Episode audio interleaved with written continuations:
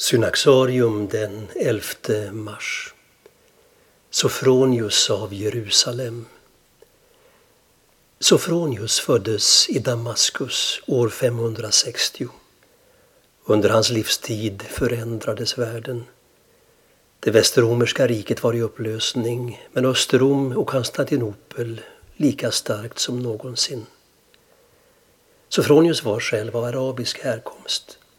Han fick en grekisk utbildning och arbetade som lärare i retorik. I 20-årsåldern tog hans liv en ny vändning då han inträdde i ett kloster i närheten av Betlehem. Hans andliga resa förde honom världen runt. Han besökte monastiska gemenskaper i Turkiet, Egypten och Rom. Inom kyrkan kämpade han för den tro som försvarats vid de tidiga kyrkomötena i enlighet med uttrycket det som inte upptagits kan inte frälsas. Dyotelismen, läran om att det finns två viljor i Kristus, en mänsklig och en gudomlig, betraktade Sofronius som en naturlig och omistlig konsekvens av kyrkomötet i Kalsedon 451. Liksom Kristus måste ha haft en mänsklig kropp för att frälsningen ska innefatta kroppen måste han även haft en mänsklig vilja för att kunna frälsa vår vilja. Samtidigt pågick ett skeende utanför kyrkan.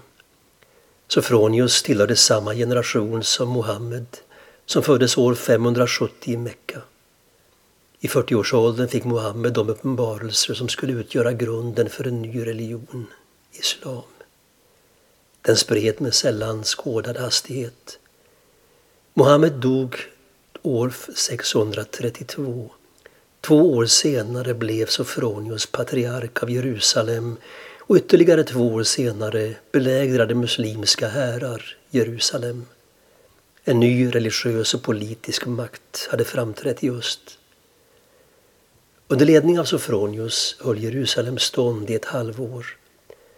När de hungriga invånarna inte längre stod ut kallade patriarken på kalifen Omar och erbjöd sig att kapitulera. Villkoret var emellertid att de kristna skulle behandlas väl, inte tvingas konvertera och därtill få behålla sina helgedomar. Omar gick med på villkoren och det berättas att Sofronius av tacksamhet erbjöd honom att bedja i uppståndelsekyrkan i Jerusalem. Men Omar tackade nej till detta med motiveringen att det kunde leda till framtida muslimska anspråk på kyrkan om han bad där. Imponerad av hans vishet gav då Sofronius kalifen nycklarna till kyrkan. Denne lämnade dem i sin tur till två muslimska män i hans närhet. De fick i uppdrag att öppna och stänga kyrkan.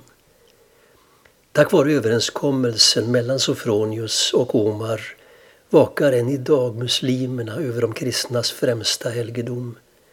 Ett tecken på det förtroende och den syskonkärlek som trots gräl och konflikter också funnits mellan de två broderreligionerna.